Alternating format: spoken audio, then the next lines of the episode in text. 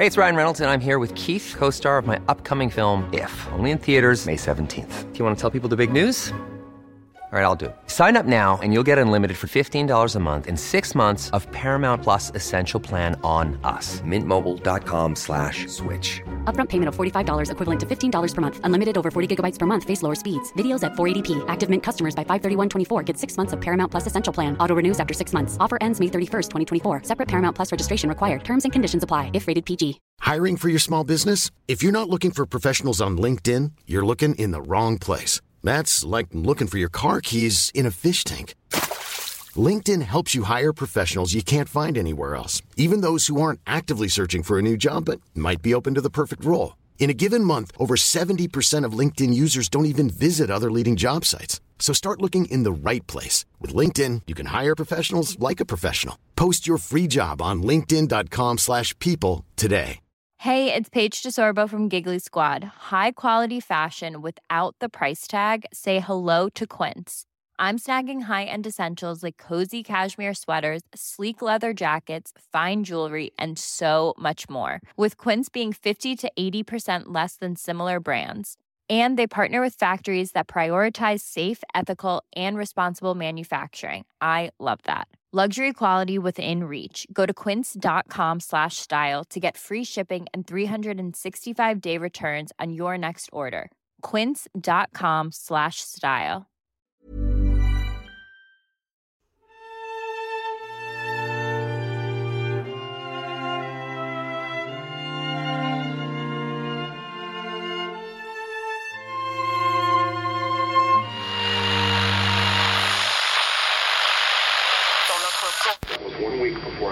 Mother. I said, she's got to die. And I've got to die. More girls like that are going to die. Au quotidien, c'est sur Terre. Hej och välkomna till dagens avsnitt av Rysarstundens rysliga reseguide. Det är jag som är Linda. Och det är jag som är Alex. Mm, nu börjar vi närma oss slutet av det här årets reseguide. Ja, vi gör ju det. Ja, Och som ni hörde igår så är det ju Finland som står på tapeten idag. ja men exakt. Och då kickar vi igång dagens avsnitt och först ut är Jössarö spökstad.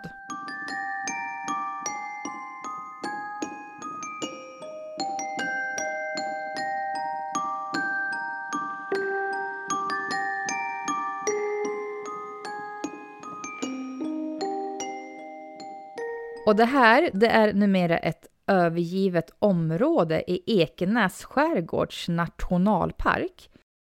Och det råder delade meningar om huruvida platsen är hemsökt eller inte. Men den apokalyptiska känslan som kommer när man ser eh, områdets täta skogar, gamla hamnar och övergivna byggnader ger absolut kalla kårar för de som känner sig sugna på att besöka den här platsen.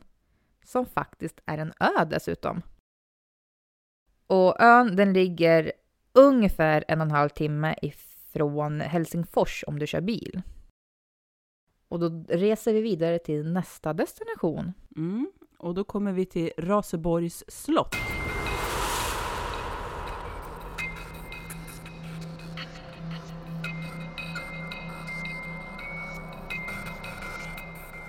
Och det här slottet, eller borgen, det byggdes år 1374 på en hög bergsklippa som på den tiden var omgiven av vatten, där skepp och till och med pirater färdades.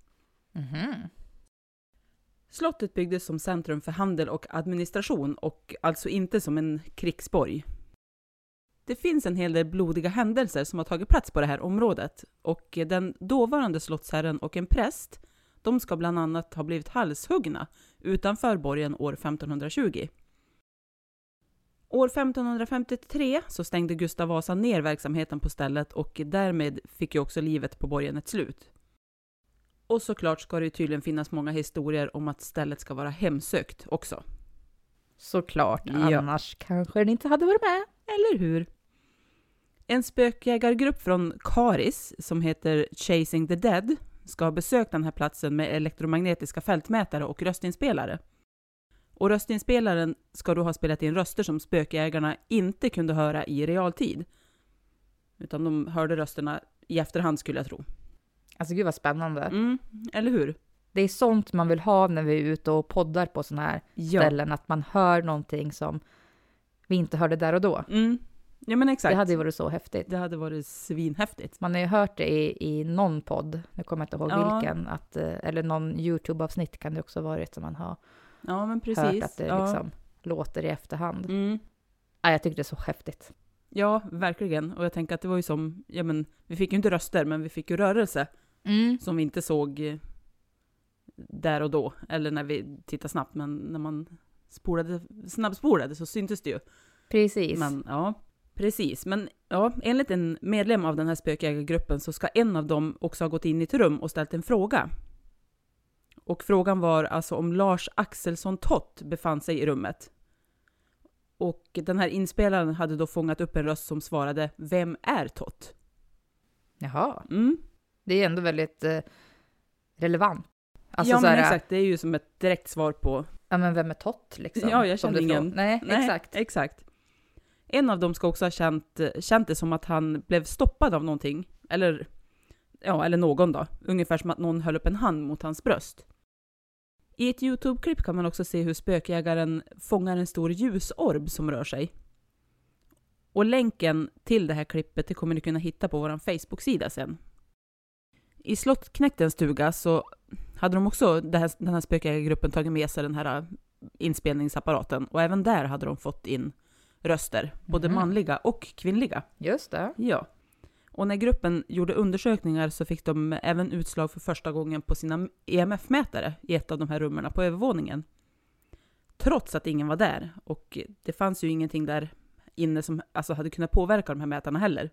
Alltså att, det är så eh, någonting häftigt. är det ju. Ja, Ja, det, det vet vi ju båda två att när vi väl har fått utslag på de här Mm, ja, men EMF-mätare eller vad det nu har varit för utrustning vi har haft med oss, att vi vet att det finns ingenting här som kan påverka, nej, men ändå så, Så är det någonting som gör det. Ja, Ah, exakt. det är så häftigt. Mm. Ja, svinhäftigt. Men många som besöker den här platsen, de ska också ha fått en känsla av att vara förföljda. Eller att någon står och väntar på dem i ett hörn. Och det är ingen trevlig känsla faktiskt. Nej, det är ju inte det.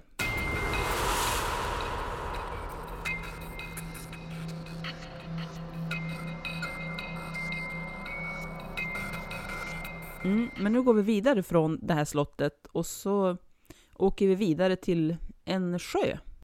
Och den här sjön det är Bodomsjö i Esbo. Och detta är en av Finlands mest kända platser och många människor åker hit för att koppla av. Sjön må se idyllisk ut, men här har en fruktansvärd händelse utspelat sig. Den 5 juni 1960 skedde ett fruktansvärt mord här, som än idag faktiskt är olöst. Fyra tonåringar, Seppo Boisman, 18 år, Nils Gustafsson, också 18 år, Maila Irmeli Björklund, 15 år och Anja Tulikki Mäki, också 15 år. De här ungdomarna skulle kampa vid sjön där de sedan under natten blev mördade under mystiska omständigheter. Seppo, Irmeli och Anja dog då angriparen eller angriparna slog in skallbenet på dem med eventuellt en stor sten eller åtminstone ett trubbigt föremål. Och de fick så omfattande skador på hjärnan så att ja, de dog omedelbart, enligt rättsläkarna. De blev även knivhuggna. Och Nils skadades men undgick att bli mördad. Och på grund av hjärnskador så minns han ingenting från händelsen. Trots att man har försökt hypnotisera honom så har man inte fått ur honom några svar om vad som hände under natten. Men så märkligt, alltså att det... Ja. Mm. Jag tyckte det var så konstigt att någon kan mörda, eller ja, tre personer då, och så får man inte reda på vem det är. Nej, Eller som Trude. precis. Alltså, ja. Så konstigt. Det är så konstigt. V- Vem kommer undan med de här sakerna? Mm, exakt. Men Nils då, han blev ju såklart åtalad för de här morden. Och ett av motiven, enligt åklagaren, ska ha varit att Nils skulle ha gjort närmanden mot Irmeli, men att hon har avvisat honom. Vilket då skulle fått honom att tappa besinningen. Och det bevis de hade var att Nils hade haft med sig en kondom i plånboken. Men eh, domstolen, de, de godtog inte det här som relevant typ. Nej. Nej, jag tänkte bara för att man har en kondom i plånboken så be, alltså, behöver inte det betyda att man är kapabel till att göra något sånt här, eller att man ens har tänkt att använda den. Nej. Liksom, Han kanske hade haft den hur länge som helst i den där plånboken. Ja, men det vet exakt. man ju inte. Nej. Precis. Han tänkte, åh, någon gång kanske det händer. Ja, Då är det bäst att vara... ja, och jag tänkte varför skulle man ja, men, ha ihjäl alla tre bara för att Mm, en tjej avvisar en? Men ja, det finns ju konstiga människor, så är det ju. så är det ju. Men, det, ja. Jag tänkte säga konstigare saker har ju hänt, men ja, men exakt. ja. det är lite oklart i alla fall. Ja. Men innan målet togs upp igen var den allmänna uppfattningen att Nils hade fått nära nog dödliga skador under den här attacken. Men nu uppgav åklagaren att Nils hade överdrivit sina skador och det hade inte kunnat medföra minnesförlust. Mm.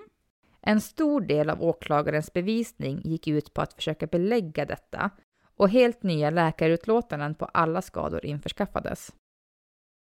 Tre läkare hördes av experter. Tingsrätten bedömde att Nils hade varit handlingsoförmögen på grund av misshandeln då offren hade hittats. Och än idag vet man faktiskt inte vem som utförde de här morden på dessa tre ungdomar den här natten för så länge sedan. Mm, så märkligt ändå. Alltså, men uppenbarligen kunde han ju då inte ha...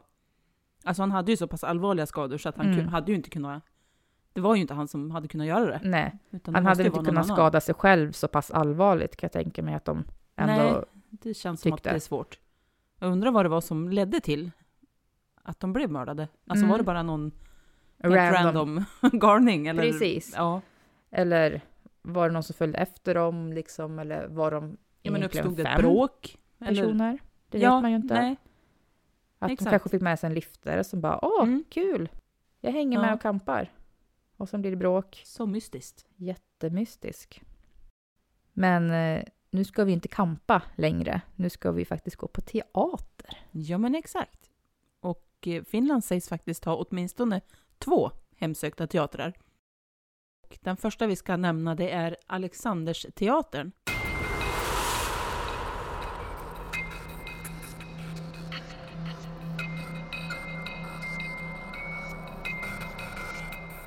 Och den här teatern den byggdes ursprungligen 1879 som ett operahus.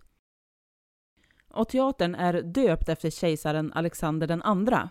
Och i början användes den som en kasernteater för den ryska militären i Helsingfors. Kanske kunde Alexandersteaterns grundare ha förutspått att ett spöke eller två skulle kunna dyka upp på den här platsen. För det sägs nämligen att tegelstenarna till byggnaden kom från Bomarsunds fästning på Åland som bombades under Krimkriget och att de andar som hemsöker stället, de följde med de här stenarna. Och passande nog, på ett operahus, så sägs det att stället är hemsökt av en soldat som brukade älska opera. Och han ska bland annat gilla att, öppna dörrar själv. Alltså väldigt passande faktiskt att Ja. det kom ett operaälskande soldat på ett operahus. Exakt. Ja. Trevligt ändå. Så här, ja, men jag öppnar en dörr till dig här. Ja, Han kanske bara försöker vara vänlig ja vem vet? och så blir alla rädda. Ja, exakt. Ja, vem vet? Skådespelare och andra anställda de berättar att de har sett den här ryska soldatens vålnad vandra omkring in i teatern. Och ibland känner de till och med hur någon rör dem, som en klapp på ryggen, bara för att vända sig om och så ser de att det inte står någon bakom dem. Det här ska bland annat ha hänt en kväll då det var repetition på scenen. Regissören satt alltså på första raden i teatersalen och ljudteknikerna de stannade längre bak. Och plötsligt så kände regissören hur någon klappade han på ryggen och han tog ju då för givet att det var någon av ljudteknikerna. Men när han vände sig om så stod ändå alla kvar där längst bak i, i salen. Så det var ju inte någon av dem. Nej, alltså jag köper att, att han tänkte så. Ja, Men ja, Det, ja. det gör mig. Alltså, ja, men jag har ljudteckningar bakom mig här. Ja, Det, det är väl klart att det är någon av dem som kommer och Mm. hallå, kan du, kan du kolla på Mm. det här eller någonting? ja, Och så är det ingen, och man känner den där känslan att det är någon som har tagit mig på ryggen. Ja. Det var någon som ville någonting. ja men exakt. Ja. En sen kväll så märkte en skådespelare att elektrikern rörde sig konstigt på teatersalens balkong. Okej. Han tittade upp och såg att den där figuren, ja men, den rörde sig verkligen konstigt. För han svävade nämligen i luften och han var blå. Ja, då rör man sig lite konstigt, ja. Ja, verkligen. Och nästa händelse, det kommer från några barn som var där och dansade ballett. Och eh, troligtvis hade de aldrig hört något av de här skrämmande historierna om den här platsen. För ena stunden så stod de alltså där och övade ballett i ett av rummen för att i nästa stund springa ut. Skrikande för att de hade sett ett par arméstövlar hänga i luften. Men nej, Jo, stackars barn. stackars barn. Hur förklarar man? Ja, nej men... eh, Det är batterier i de här stövlarna. Ja. De brukar flyga upp ibland. Exakt. Nej men, Ja, och liksom, det var inte ett barn, utan det var några barn och alla springer ut skrikandes. Mm, så alla måste ju ha sett dem. Ja. Ja, Nej men gud. konstigt. Ja. Barna. Men och för er som känner till musikalen eller operan Fantomen på Operan så har det här spöket, precis som Fantomen, fått en kristallkrona att rasa ner från taket. Nej. Jo. Och det ska tydligen ha inträffat i samband med att pjäsens regissör och eh, producenten diskuterade skådespelarens enastående prestation efter att pjäsen var slut. Okej. Och pjäsen som hade alltså spelats, det var Aladdin. Ja, just det. Ja, och den här skådespelaren hade då haft rollen som anden i lampan. Och när en av de här två pratade om just den delen, alltså anden i lampan då, Mm. Då ska en stor ljuskrona ha fallit ner precis bredvid där de stod. Men nej. Jo, Fy vad obehagligt. ja, jätteobehagligt. Och precis som i svenska så har det finska språket också bara ett ord för ande, medan Mm. engelskan har ju två. Mm. Alltså genie för en ande i lampan och spirit för en människas ande. Mm. Men vi har ju bara ett. Och kanske trodde det här spöket att ja, men de pratade om honom. Mm. Och kanske gillade han inte att de diskuterade om att stoppa in honom i en lampa. För vem skulle vilja bli det? Nej men, Alltså, eller hur? ja. Klart han kastade en kristallkrona, det är ju i sig en lampa. ja, Alltså, eller Men- alla kristall, jag vet inte, alla kristallkronor kanske inte har lampor eller ljus i sig. nej, jag vet inte. Men de flesta har ju det för att det få det här skimret Mm, liksom. mm. Ja men Det exakt. är väl klart, men inte fasen vill han vara i den där lampan. Eller hon, Nej. eller vem det nu var. Och jag tänker att vi säger ju också alltså anden i lampan, medan engelskan säger genie in a bottle. Ja, Eller ja, och finskan kanske också har lampa, alltså Mm. lampa som lampa liksom. precis. Eh, Nej men gud vad obehagligt ändå att stå bredvid och så kommer den där kristallkronan kraschande ner bredvid en. ja. Ja, verkligen. Tänk om de hade stått lite grann till Ja, åt det hållet Åt det hållet, lampan ja. ramlar, Ja. ja. Ja, eh, huva. det hade nog kunnat sluta illa. Riktigt illa. Mm. Då kanske de hade blivit anden i lampan. Ja, vem vet? Inte alls omöjligt. Mm, men det var den teatern. Nu går vi vidare till nästa teater.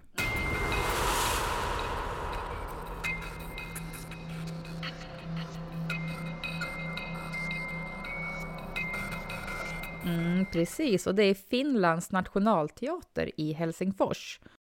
Och det här det är en av Finlands största teatrar och är väl värt ett besök. Det är en grå, imponerande byggnad som ligger bredvid Helsingfors tågstation. Och det sägs att det ska finnas minst ett halvt dussin rastlösa andar i den här byggnaden. Och ett av spökena det är skådespelaren Uro Sommersali som tydligen ska sitta i regissörens bås. Och han försvinner om någon får syn på honom. Mhm. Och Sommersali, han var en mycket stilig finsk skådespelare och han var mycket populär då han levde och han jobbade på Nationalteatern från 1908 fram till 1958. Och han älskade att spela kärleksroller eller maskulina hjälteroller. Och han medverkade i flera filmer och gifte sig med en ganska ung flicka som hette Ailey. Och även hon var en skådespelerska. Och båda två jobbade och bodde på den här teatern ända fram till en tragisk händelse. När Sommersali var 74 år mördade han sin fru på ett avskyvärt sätt med en yxa han hade fått i gåva av Finlands I'm Sandra, and I'm just the professional your small business was looking for. But you didn't hire me because you didn't use LinkedIn jobs. LinkedIn has professionals you can't find anywhere else, including those who aren't actively looking for a new job but might be open to the perfect role, like me. In a given month, over 70% of LinkedIn users don't visit other leading job sites. So if you're not looking on LinkedIn, you'll miss out on great candidates like Sandra. Start hiring professionals like a professional. Post your free job on linkedin.com/people today. Even when we're on a budget, we still deserve nice things. Quince is a place to scoop up stunning high-end goods for 50 to 80% less than similar brands. They have buttery soft cashmere sweaters starting at $50, luxurious Italian leather bags, and so much more. Plus, Quince only works with factories that use safe, ethical, and responsible manufacturing. Get the high-end goods you'll love without the high price tag with Quince. Go to quince.com slash style for free shipping and 365-day returns.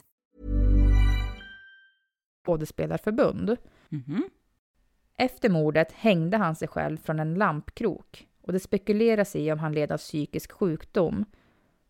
Människor som jobbar på teatern idag hävdar att de brukar se honom vandrandes omkring i teaterns hallar och i korridorer bärandes på en yxa. Men fy. Undrar... Ja, det är klart, var han psykiskt sjuk så kan det ju säkert vara anledningen till att han bara helt plötsligt högg ihjäl sin fru. Men Mm. Fortfarande, undrar vad det var som, Som ledde till att han gjorde det. Ja, men exakt. Mm. Men det finns som sagt fler spöken på den här teatern. Ett annat spöke, det är The White Lady. Som vi tror ska ha hetat Ida Alberg. Hon sägs gå runt och leta efter sin dagbok eller sitt manus. Ett annat spöke ska visst heta Berta Lindberg. Och sägs gå runt på stora scenen och i damernas omklädningsrum. Sen finns ett spöke som ofta stör de anställda på teatern och han ska visst vara klädd i uniform.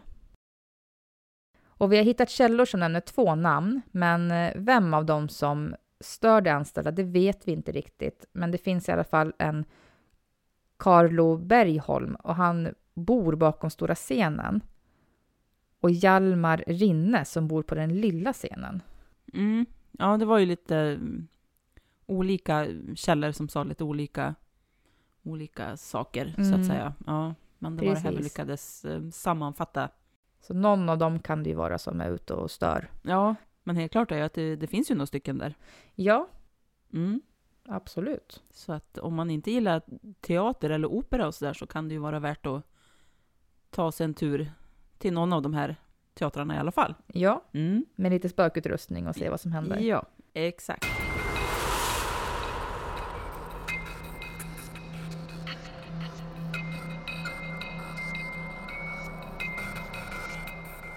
Men det var teatrarna det. Nu hoppar vi vidare till nästa destination. Och vart ska vi då, Linda? Då ska vi till ett slott. Vi ska till Olavinlinna slott. Och det är faktiskt världens nordligaste medeltida slott. Jaha. Och det är också ett av de otäckaste som finns. Jaså? Ja, Nämen. det ska tydligen vara så. Mm. Bara en av många historier om det här slottet, det är den om en finsk ogift kvinna som blev kär i en rysk soldat. Och för det här så dömdes hon till förräderi. Och likt många andra kvinnors öden som vi har berättat om i den här säsongen så murades även hon in levande i väggen på slottet. Alltså det är verkligen någonting med det att mura in folk levande i väggar. Ja, speciellt kvinnor. Speciellt kvinnor. Ja, exakt. Helt sjukt. Mm. Alltså vad, vad, vad kommer man ens på idén? Bara, Nej men nu, det här är ditt straff, nu murar vi in dig i en vägg. Mm. Ja, jag förstår inte. Det är så sjukt. Ja, verkligen. Ja. Att en hade kommit på idén någon gång då. Mm. Men det är ju så många och i så många olika länder. Ja. Och alltid typ i slott. Ja, och det finns säkert fler än de vi har tagit upp. Ja, det tror jag garanterat. Ja, ja, ja. Det betvivlar jag inte en Nej. sekund, tyvärr. Nej. Men jag, jag förstår liksom inte hur den idén kom. Alltså, Okej, ja men om man nu ska döda, döda kvinnorna för att de har gjort någonting som männen tycker är olämpligt eller att de har kär i fel person eller någonting. Ja, men Mm. halshuggning eller Ja, men exakt. Det är ju sånt. faktiskt mer humant om man får säga det så. Det, Ja, än att de ska ja. muras in levande. Mm. Ja, fruktansvärt grymt. Ja, Men det var väl kanske också det som var tanken att, Ett- de skulle få lida. lida. Ja, exakt. Men, Ja. Fy fan. Men såklart sägs det ju också att hon ja, men hemsöker slottet.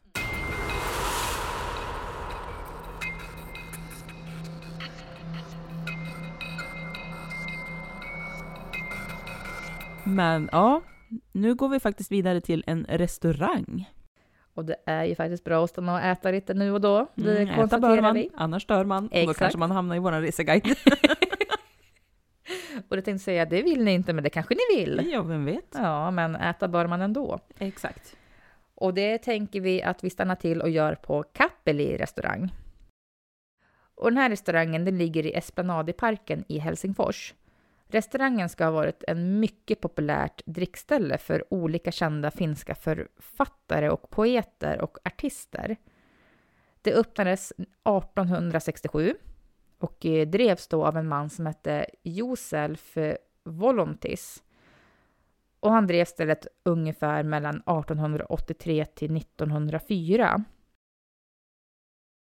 Och under tiden han drev restaurangen så började den bli en favorit hos författaren Johanni Aho, artisten Axeli Galen Kalels och kompositörerna Jean Sibelius och Oscar Mericanto. Och under tiden Volontis hyrde stället så byggde han en ölkällare så att det alltid skulle finnas kall och god öl att servera så fort det blev sommar och stamgästerna kom. Han var känd för att servera gratis frukost varje måndag till de bakfulla gästerna. Volontis hade ett stort monopol på restaurangbranschen på den här tiden och idag sägs det att hans spöke hemsöker den ölkällaren som han byggde själv. Och han är känd som det mest arga spöket i hela Finland.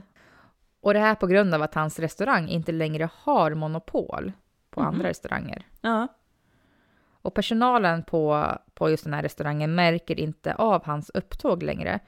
Men gäster på stället menar att han brukar flytta omkring möbler bland annat. Mhm. Mm. Undrar om man Okej. kanske kastar omkring de här möblerna eftersom han är så arg då. Ja. Men ja, att man ska bli så arg för det. Men ja. Ja, är du affärsman så är du affärsman Ja. tänker jag. Exakt, de brukar ju vara det ute i fingerspetsarna. Mm. Ja, så då kanske det även är ett affärsspöke. Mycket möjligt. Mm, och tycker att eh, stället kanske inte har drivit så pass bra som han vill. Nej, I den säkert drivkraft inte. han har haft. Nej, kanske inte eller lika bra som på hans tid. Men Mm. utbudet är ju också större idag. Exakt, Ja, tiderna exakt. förändras ju, men det kanske inte han förstår. Nej, det vet Nej. man ju inte. Exakt.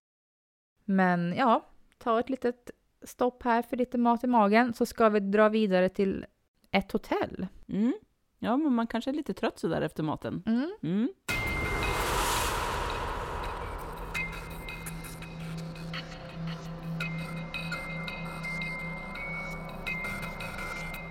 Och det här ståtliga hotellet, det hittar ni på Norra Esplanaden, där du också hittar dyra butiker och fina kaféer. Det ska vara ett av de äldsta, dyraste och historiska hotellen i Finland. Vi kollade upp lite snabbt, alltså bara för skojs skull, vad det skulle kosta att sova en, en natt där. Mm. Mm. Vi knappade in bara ett ja, men datum. Fredag till lördag, två personer i ett rum med dubbelsäng. 3700 kronor för en natt. Mm. Så att, ja. Och några kända gäster som har sovit där, det är bland annat Shakira, Elton John, Madonna och eh, till och med kungligheter som kejsaren i Japan, Hirohito och eh, Jordaniens drottning Nor Mhm. har sovit där. Så det är ju ett lyxhotell. Verkligen. Ja. Och det här hotellet då, det grundades i alla fall 1887 av Carl Kemp. Och eh, han ska tydligen ha varit en välkänd krögare. Och det sägs att det här hotellet, det är faktiskt det första hotellet i Finland som hade hiss och fungerande belysning. Jaha, Mm. Och det var lyxigt redan då säg. Ja, men exakt. Det var, måste det ju ha varit. Ja. Ja, precis. Men och vi skulle ju såklart inte nämna det här hotellet, hotellet om det inte sades att det var hemsökt. Nej. Nej.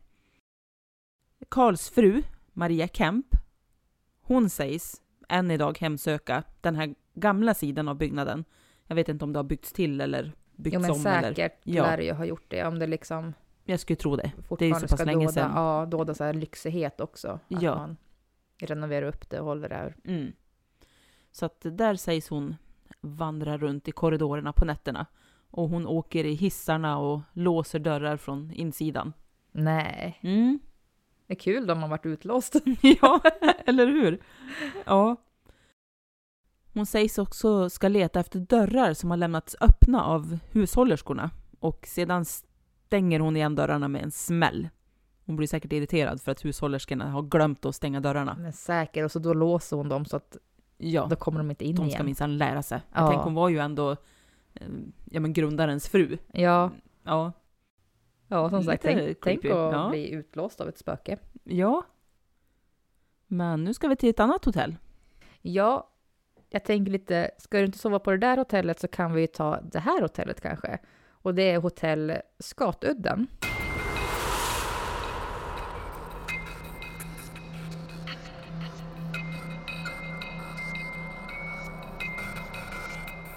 Och det här hotellet, det var förr i tiden ett fängelse som ligger i Katajonka, eller Skatudden på svenska. Spöket på hotellet brukar smälla igen en och annan dörr emellanåt, även här då. Ja. Men i övrigt ska, ska det vara godartat. Ett annat spöke på hotellet visar sig i form av en huvudlös överste med namn Alexi. Och han ska hemsöka en byggnad i Kronohagen. Han håller sitt eget huvud under armen och brukar åka hiss, och så han. Ja, även han ja. Mm, Det är någonting med dörrar och hissar alltså. I, Ja. ja. de här hotellen båda två. ja. Så ni får väl välja lite där vilket hotell som låter ja, vilket som lockande låter eller- mest ja. trevligt. Ja, exakt.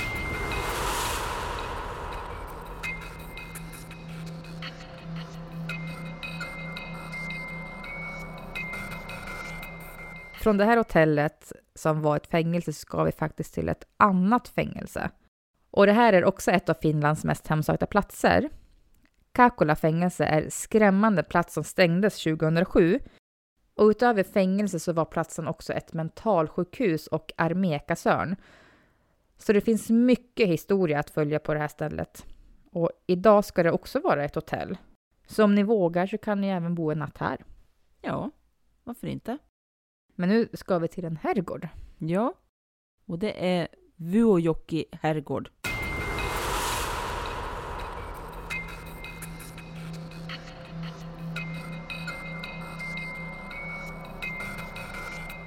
Här sägs det att det finns spökbarn som leker med en boll på stentrappan. Och även här är det hissar som rör sig av sig själv och dörrhandtag som trycks ner av sig själva. Nu har vi de här spökbarnen igen. Ja. Ja, men det är ju alltid någonting med spökbarn Mm. som är lite extra otäckt. Mm, Mm. verkligen. Men det här ska i alla fall bara vara några av de paranormala aktiviteter som visar sig i den här herrgården som byggdes under 1830-talet. Och eh, som om det inte vore nog så finns det även en blodfläck på stengolvet som inte kan skrubbas bort. Precis som i avsnittet om Danmark Precis. och Ingeborgs Gil. Ja, på Ja. norra Jylland. Mm. Där var det också en blodfläck som inte gick att skrubba bort. Ja, exakt. Vad är det med dessa blodfläckar? Mm. Ja, och jag undrar vad det är som har hänt här Ja, som gör att det finns en blodfläck. Nu fick man ju inte reda på det i Danmark heller, exakt var den där blodfläcken kom ifrån. kom ifrån. Men, Men någonting är det ju. ja, och vad är det den vill säga, Mm, så att säga, eftersom att det inte går att... få bort den. Mm, exakt. För oftast brukar du kunna få bort fläckar. Alltså, den i Danmark hade de ju försökt slipa bort. Mm, Och den var väl borta ett tag, men sen kom den ju tillbaka. ja. Och nu är den envis kvar vad de än gör. Mm. Märkligt. Så, så galet. Ja. Men nu går vi i alla fall vidare till några avrättningsplatser. Mm. Och den första avrättningsplatsen, det är Helsingfors äldsta avrättningsplats.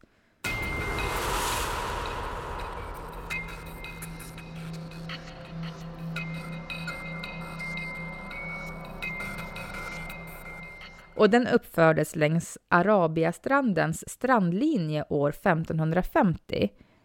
Helsingfors hade ingen egen bödel på den tiden, så bödlar från Åbo och eh, Tavastehus reste till Helsingfors för att ja, men utföra jobbet.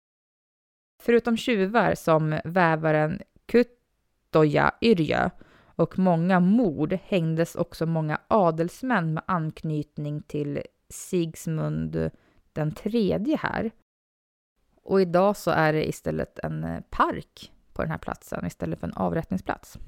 Just det. Mm. Undrar, ja, det lär ju säkert röras en del energier och sådär i den parken. Ja, jag. Mm. Jag tänker lite på när vi pratade i första säsongen, då hade vi med en hel del avrättningsplatser. Mm, mm. Och det är ju mycket energier som rör sig på dem. Ja, jo, men det är ju det. Och fullt förståeligt. Ja, För de blev ju säkert avrättade under ganska hemska omständigheter, precis. skulle jag tro. Mm.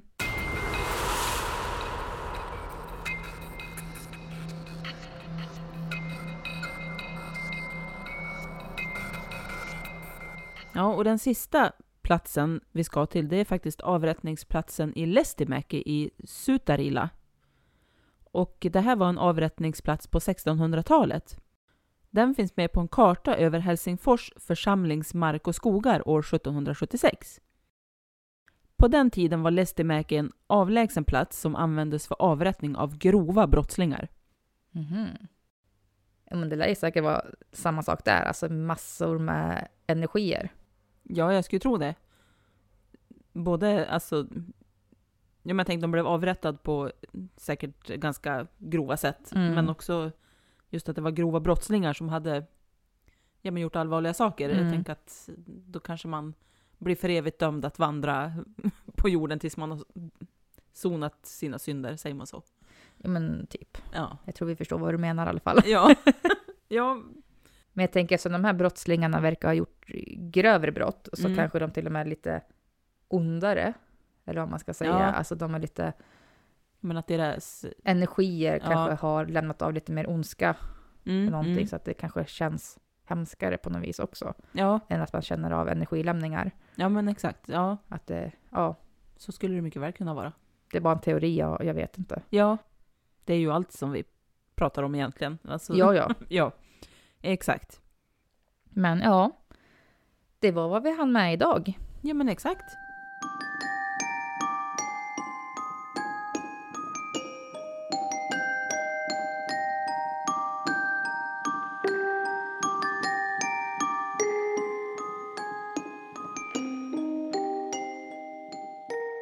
Innan vi avslutar dagens avsnitt så vill vi ju faktiskt påminna om att besöker ni något av ställena vi har tagit upp i dagens avsnitt så kolla upp att det är okej så att ni inte gör intrång och att allting ni besöker, liksom det sker på egen risk. Ja, och nu är det ju faktiskt bara ett avsnitt kvar av årets sommarsäsong. Mm, det är ju faktiskt det. Och vi hoppas att ni njuter till fullo av sommaren och att, att det i alla fall har varit fint väder. De säger Ja. ju att det ska bli en fantastisk sommar, Mm. så det hoppas vi att det är. Ja, vart ni nu än är. Ja, och imorgon så är det ju, ja men då är det dags att röra sig hemåt igen. Mm. Och eh, ja, men nu är det väl så att man säger borta bra, men hemma bäst. Ja, ja men Ja. man säger ju det. Det är hur kul som helst att resa, men det är så skönt att komma hem. Mm. I alla fall språkmässigt. Ja. Ja. För det har ju verkligen varit en utmaning att uttala alla namn och städer på alla de här språken. Ja, jag hoppas att vi kanske fick något rätt, men jag tror inte det. Nej. Men Eh, så- att ja, ni har överseende med det. Ja, Ja. Men med det så vill vi säga tack och hej då för idag. Vi hörs imorgon igen. mm. tack för att ni har lyssnat. Tack. Hej då!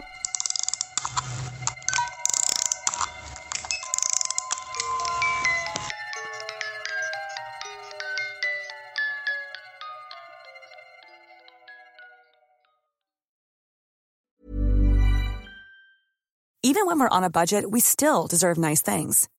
Quince is a place to scoop up stunning high-end goods for 50 to 80% less than similar brands. They have buttery soft cashmere sweaters starting at $50, luxurious Italian leather bags, and so much more. Plus, Quince only works with factories that use safe, ethical, and responsible manufacturing. Get the high-end goods you'll love without the high price tag with Quince. Go to quince.com slash style for free shipping and 365-day returns. Planning for your next trip? Elevate your travel style with Quince. Quince has all the jet-setting essentials you'll want for your next getaway, like European linen, premium luggage options, buttery soft Italian leather bags, and so much more. and is all priced at 50 to 80% less than similar brands. Plus, Quince only works with factories that use safe and ethical manufacturing practices. Pack your bags with high-quality essentials you'll be wearing for vacations to come with Quince. Go to quince.com/pack for free shipping and 365-day returns.